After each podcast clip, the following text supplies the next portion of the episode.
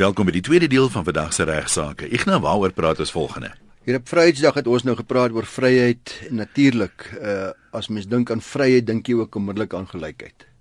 Soos ons gesê het in die eerste deel, vry te wees beteken ook om ander se regte te respekteer sodat ons almal op 'n gelyke basis die voorreg het om vry te wees. Nou in hierdie geval, die saak wat ek nou met u gaan bespreek, is 'n voorbeeld van gelykheid. Dit handel met haatspraak en is 'n geval waar 'n huiswerker die huisbaas se verloofde 'n redelike duur les geleer het. In ons Suid-Afrikaanse prokureur se tydskrif Die Rebus was daar 'n uitstekende artikel deur uh, Pieter Williams, 'n konsultant by Robert Charles Prokureurs, aktevervaardigers in Kaapstad, oor haatspraak en 'n uh, besonder oor 'n ongerapporteerde saak wat gedien het voor die gelykheidshof waarin hy self hierdie meneer Williams opgetree het namens Mekente, 'n huiswerkster. Uitspraak in hierdie ongerapporteerde saak van mevrou Kente teen ene Andre van Deventer is gelewer op 24 Oktober 2014 in Kaapstad in die gelykheidshof deur Landros Koeries.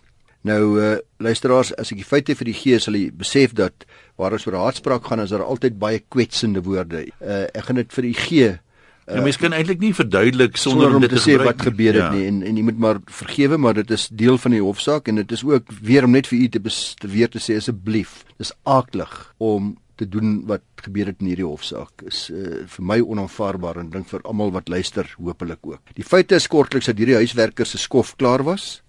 Sy het haar werkgewer se kerel gevra, verloofde gevra of hy net gou na 'n kleintjie sal gaan kyk net wat sy wou gou gaan stort voor sy na huis toe gaan. Uh, hy was klaar blyklik baie ontstel oor hierdie versoek. Hy het volgens die getuienis haar aan haar klere gegryp, in haar gesig gespoeg en haar meegedeel dat sy 'n patetiese kaffer is en dat hy haat haar en hy haat ook kaffers. Hy het voorgegaan met die K-woord en gesê dat hulle ons land gesteel het.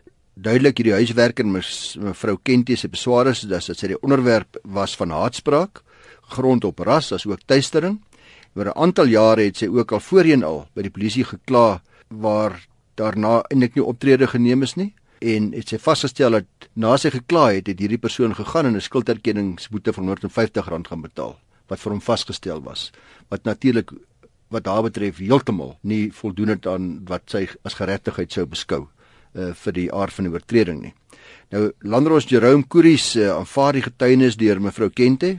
Hy sê ook dat haatspraak nie deur ons howe enigstens geduld sal word nie en dat woorde soos die K-woord of selfs hotnot of koelie of ander beledigende woorde wat hy noem in die uitspraak daartoe sal lei dat ons howe sonder huiwer en dit sal beskou as 'n baie ernstige oortreding en aantasting en dit baie swaar sal straf. Die gelykheidswet, ook bekend as die bevordering van gelykheid en die voorkoming van onbillike diskriminasiewet, die bevordering van gelykheid en die voorkoming van onbillike diskriminasiewet is wet 4 van 2000 maak spesifiek voorsiening luisteraars dat die slagoffers van haatspraak skadevergoeding kan eis vir hulle vernedering. Uh, die degradering wat hulle ondergaan het, die pyn wat hulle moet deurgaan as gevolg van hierdie haatspraak. Uh dit is dit gaan nie oor wit of swart nie, dit gaan vir alle kante toe wat ek nou van wat hierdie wet op van toepassing is. Daar's ook baie voorbeelde waar die haatspraak van die ander kant wat die wat die rasse weer anders te om was. In mevrou Kente se geval is dit duidelik dat hierdie baie ernstige geval is. Deur Pieter Williams, die skrywer van die artikel, gee dan 'n baie goeie uiteensetting van artikel 10 van die gelykheidswet oor presies wat haatspraak alles behels. Ek gaan dit maar net opsom weer te sê dit dui ook op ander aangeleenthede rakende ras, geslag, etiese of sosiale oorsprong as ook kleur en belangrik is is 'n objektiewe toets om te bepaal of die woorde seer gemaak het of skade veroorsaak het of haat aangeblaas het of gepropageer het. Dis irrelevant wat die bedoeling was van die persoon met die woorde geuiter het. Aan die ander wyse ek kan laat, maar ek het nie bedoel om jou seer te maak nie. Ek het nou nie bedoel om lelik te wees nie. As ek nou seker goed vir jou gesê het nie, ek het dit per ongeluk gedoen en wat ook nogal. Irrelevant. Dis 'n objektiewe toets. Jy moet kyk na presies wat ek gesê het. Wat is dit? Wat beteken daai woord? Nie hoekom het ek gesê wat het, wat ek daarmee wou bereik het nie. Ons word gewys op voorbeelde soos die saak van Herselman versus Gileba, ook 'n ongerapporteerde saak in 2009 waar die hof ook bevind het dat die woord baboon of bobbejaan haatspraak daarstel, soos gedefinieer in artikel 10 van die gelykheidswet. Die hof sê dat rasse ondertone sal deur die redelike persoon in Afrika beskou word as degraderend. So die woord Bobbejaan 'n duidelike rasse ondertoon sê die hof, almal weet dit, almal weet presies waarna verwys word eintlik. En uh, daar's verskeie sake waarin die gelykheidshof al byvoorbeeld hierdie woord beskou het as haatspraak en natuurlik die K-woord. En daar kan geen twyfel wees dat in die geval van die K-woord nog baie erger haatspraak daarstel nie. Die graad is die ergste. Die skrywe verwys ook na die volgende interessante uitsprake, onder andere in die saak van Woodwise BK versus Valley. uh, is 'n saak daar in die Weskaap ook is daar onder andere gevind dat hierdie wet 'n informele en 'n baie goedkoop platform daarstel vir die beregting van onbillike diskriminasie, dis nou die gelykheidswet, uh, wat ook insluit haatspraak. Dit wyk af luisteraars hierdie wet en jy moet mooi luister want as mense dit wil gebruik, moet jy besef dat hierdie wet wyk af van duur en uitgerekte litigasie waaraan ons almal gewoond is. Dit gee kans vir die slagoffers van haatspraak en van onbillike diskriminasie om hulle stories te gaan vertel sodat die hof kan optree en uitroei sonder duur uitgerekte prosesse. In 'n ander saak is daarop gewys dat die hele doel van hierdie gelykheidshof en hierdie hof wat geskep word deur die gelykheidswet sodat verbruikers uh, van 'n vriendelike hof voorsien waar die voorsitter inquisitories optree. Dit beteken is nou 'n groot woord, dit wil sê die voorsitter kan afdaal in die arena hy hy hy hy beheer die hele toneel hier voor hom. Hy kan self vra vra. Hy kan self vra vra, hy kan self so 'n bietjie kruishoor doen en hy kan self so 'n bietjie orde in die ding gee en hy kan die klem is op informaliteit. Maar die klem is veral ook op vinnige, spoedige, effektiewe beregting van sake. Die formele adversatoriese en dikwels baie duur uitgereikte litigasie in ons gewone howe is baie intimiderend vir baie mense.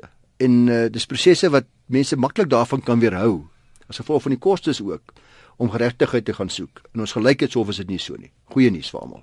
Hy hoef kan gebruik word. In die saak van Manong en Associates versus die uh, stad van Kaapstad en ander, ondanks 'n appelhofsaak, sê ondanks 2011, wys die hof daarop dat artikel 20 subartikel 2 van hierdie wet daarvoor voorsiening maak dat 'n persoon wat stappe wil instel in die gelykheidshof dit maklik kan doen deur bloot die klerk van die gelykheidshof mee te deel van daai voorneme Hy kry dan 'n voorgeskrewe vorm wat hy moet voltooi, soos in eh, daai wet het ingesit en dis 'n bekort en bondige wyse wat hy sy klag uiteensit.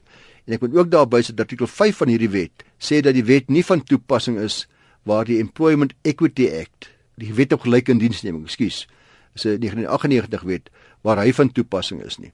Nou kan julle vir my sê maar hierdie saak wat ek nou bespreek met die verloofde gaan dan oor 'n werknemer is dit dan nie die Employment Equity wet nie? Nee, dat alhoewel die voorval plaasvind dit by 'n werksplek en die ander wet dis van toepassing moontlik kan wees, het die hof bevind dat die hoofinsident, die belediging na beëindiging van die skofplase vind dit ja. ook deur 'n derde persoon wat nie haar werkgewer was nie, die verloofde, en dat dit eintlik maar suiwer haatspraak is. Dit blyk dan dat die verhouding waarskynlik beëindig was want die werkgewer self was ook baie simpatiek teen mevrou Kente. Sy het kant gekies duidelik in die gelykheidshof vir haar werknemer teen die verloofde. Teen die verloofde en het daar baie goed ondersteun in die saak. 'n Belangrike waarneming van meneer Pieter Williams is dat die werknemer alhoewel sy besluit het om nie teen 'n werkgewer self voort te gaan nie, waarskynlik ook 'n eis. En luister maar mooi wat ek sê luisteraars, jou werkgewer gaan ook 'n eis teen jou hê. En ek stem saam met meneer Williams op die basis dat 'n werkgewer ook 'n plig het om 'n veilige werksomgewing te skep en om 'n werknemer te beskerm teen wat nie soos dinge wat in hierdie geval gebeur het. Ja, dit kan verrykende gevolge hê. Ja, met ander woorde my kinders kom van die skool af en kom skree vir my bediende die K-woord. Ek moet hulle dissiplineer. Ek moet seker maak dit gebeur nie. En dieselfde geld vir my verloofde of dieselfde geld vir wie ook nogal. In hierdie geval as die verhouding goed tussen die werkgewer en die werknemer en daarom het sy besluit om nie 'n siviele aksie in te stel nie, sê meneer Williams. Maar hy het vir haar geadviseer, jy kan eintlik as jy sou wou. Die hof het in hierdie geval besluit dit eintlik om 'n bedrag van 50000 rand skadevergoeding aan mevrou Kente toe te staan wat dan deur meneer van Deventer na betaal moet word en in die saak van die staat teen meneer van Deventer ook 'n ongerapporteerde saak wat op die 6de Februarie in Kaapstad se Landdroshof gedien het voor Landdros Alta Leroux is meneer van Deventer gevonnis tot 2 jaar luister mooi 2 jaar huisarrest is hy ook van hom vereis om 70 ure se gemeenskapsdienste verrig omdat hy die K-woord aan mevrou Kente toegevoeg het en hierdie gemeenskapswerk 'n bietjie angel in moet hy doen in die diens van swart vroue. Oi oi oi, dit ja. moet so moeilik gewees ja. het vir so 'n persoon. So uh, ja, strafbare het baie duur les. Hoopelik het hy die les geleer. Die gelykheidswet is 'n produk van Suid-Afrikaanse grondwet en dit duidelik is 'n bewys dat uh, die reg 'n baie magtige medium kan wees vir sosiale verandering in ons land en dat uh, deur middel van die afdwing van individuele regte soos in die geval van mevrou Kente kan dan nie net 'n verandering wees in die lewe van individue en die luisteraars, maar kan dit ook 'n verandering in ons gemeenskap teweegbring. So meneer Pieter Williams wys daarop dat die gelykheidshof is 'n belangrike stuk gereedskap om hervorming in 'n gemeenskap teweeg te bring en om 'n voertuig te wees vir sinvolle transformasie. Oulike artikel. Dankie meneer Williams. Hier op Vryheidsdag het ons nou gepraat oor vryheid en natuurlik uh as mens dink aan vryheid dink jy ook onmiddellik aan gelykheid. Soos ons gesê het in die eerste deel vry te wees beteken ook om ander se regte te respekteer sodat ons almal op 'n gelyke basis die voorreg het om vry te wees. Nou in hierdie geval, die saak wat ek nou met u gaan bespreek, is 'n voorbeeld van gelykheid, dit handel met haatspraak en is 'n geval waar 'n huiswerker die huisbaas se verloofde 'n redelike duur les geleer het. In ons Suid-Afrikaanse prokureur se tydskrif Die Rebus was daar 'n uitstekende artikel deur uh, Pieter Williams, 'n konsultant by Robert Charles Prokureurs, aktevervaardigers in Kaapstad, oor haatspraak en 'n uh, besonder oor 'n ongerapporteerde saak wat gedien het voor die gelykheidshof waarin hy self hierdie meneer Williams opgetree het namens Mekente, 'n huiswerkster. Uitspraak in hierdie ongerapporteerde saak van mevrou Kente teen ene Andre van Deventer is gelewer op 24 Oktober 2014 in Kaapstad in die gelykheidshof deur Landros Koeries.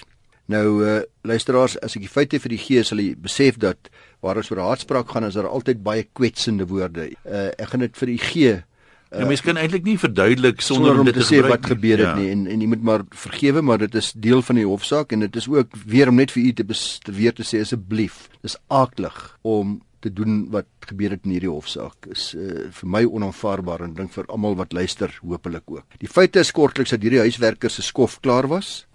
Sy het haar werkgewer se kerel gevra verloofde gevra of hy net gou na 'n kleintjie sou gaan kyk net wat sy wou gou gaan stort voor sy na huis toe gaan.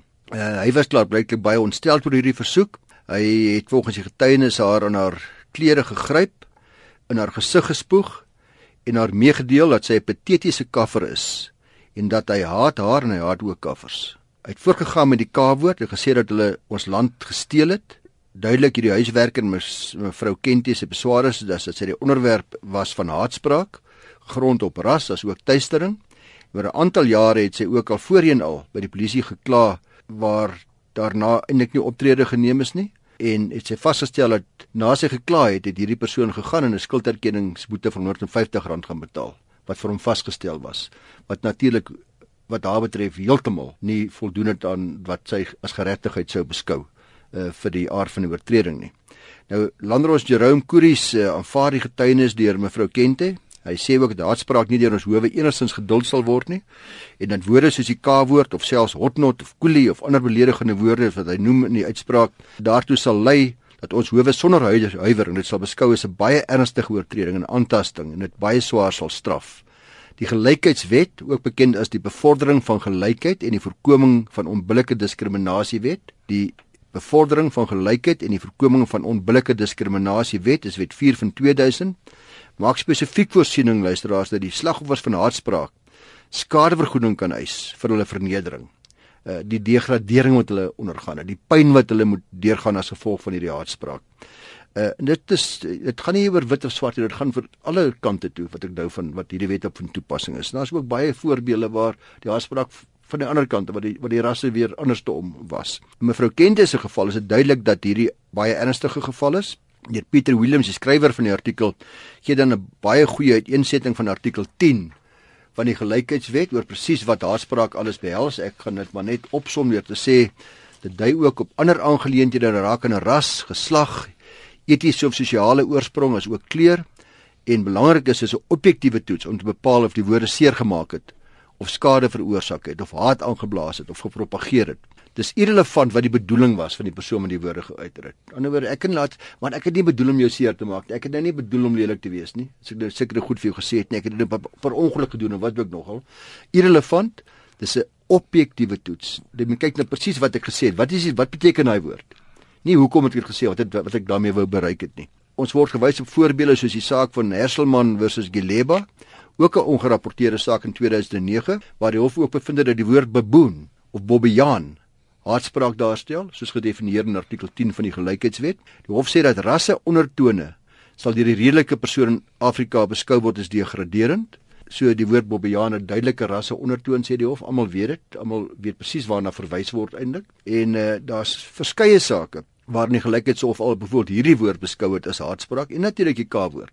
Daar kan geen twyfel wees dat in die geval van die K-woord nog baie erger haatspraak daarstel nie. Die graad is die ergste. Die skrywer verwys ook na die volgende interessante uitsprake, onder andere in die saak van Woodwise BK versus Valley.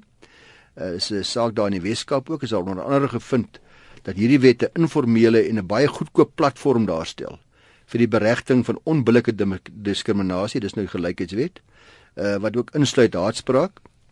Dit wyk af luisteraars hierdie wet en jy moet mooi luister want as mense dit wil gebruik, moet jy besef dat hierdie wet wyk af van duur en uitgerekte litigasie waarin ons almal gewoond is.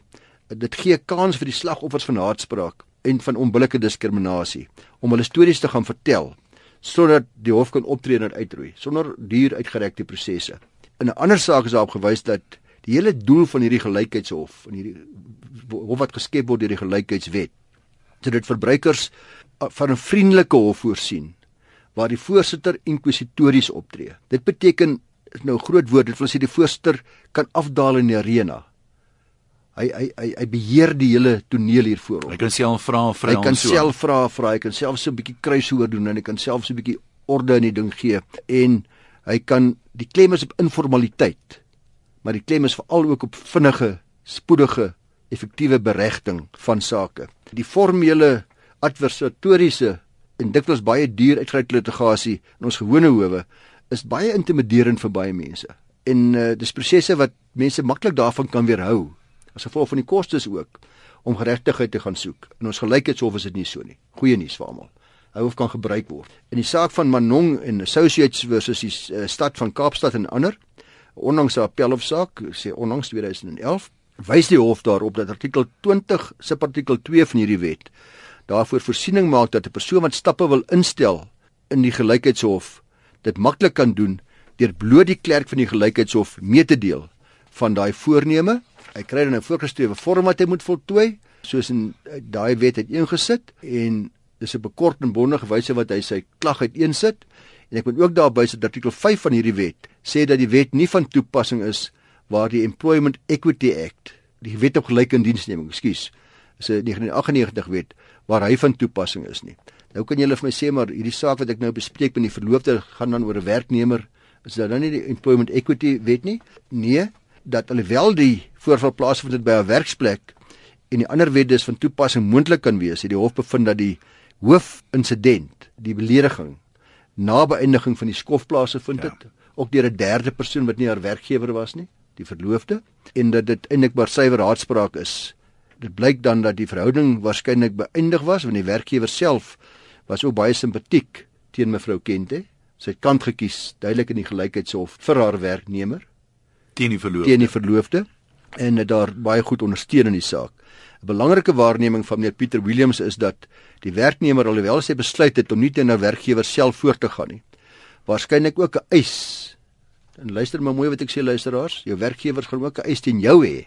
En ek stem saam met meneer Williams op die basis dat 'n werkgewer ook 'n plig het om 'n veilige werksomgewing te skep en om 'n werknemer te beskerm teen wat nie soos dinge wat in hierdie geval gebeur het. Ja, dit kan verrykende gevolge hê. Ja, met ander woorde my kinders kom van die skool af en kom skree vir my bediende die K-woord. Ek moet hulle dissiplineer. Ek moet seker maak dit gebeur nie. En dieselfde geld vir my verloofde of dieselfde geld vir wie ook nogal.